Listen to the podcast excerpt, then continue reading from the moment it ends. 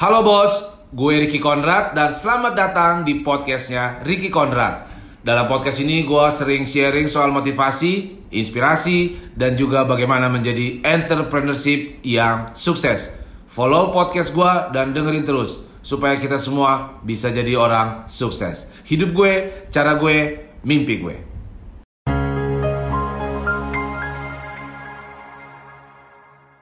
Kadang butuh jalur yang tidak nyaman menuju tujuan yang sangat indah.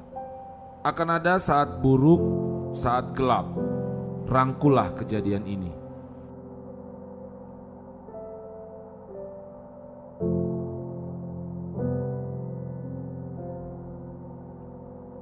Fakta dari kehidupan adalah hidup itu tidak selalu mudah dan lu tidak selalu menang.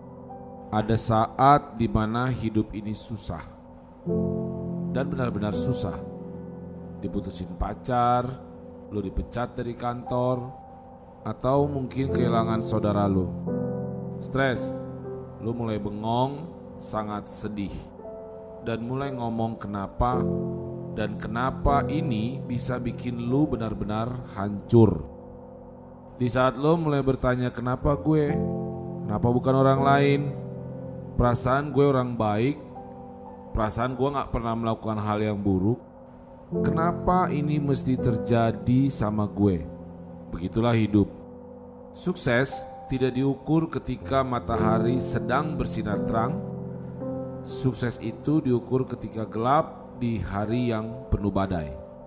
Dan kalau lu gak bisa terima kegagalan, lu gak akan pernah sukses. Terkadang butuh kegagalan untuk melihat semuanya lebih baik. Kadang butuh jalur yang tidak nyaman menuju tujuan yang sangat indah. Akan ada saat buruk, saat gelap. Rangkulah kejadian ini. Kesakitan ini akan membuat lu lebih kuat. Kegagalanlah yang juga membuat lu menjadi lebih kuat. Lu harus terima kegagalan lu, sadari bahwa ini hanyalah bagian dari hidup yang lu mampu lewati. Lu gak akan melihat tujuan dari situasi ini sampai lu lihat pertumbuhan yang lu dapatkan atas situasi ini.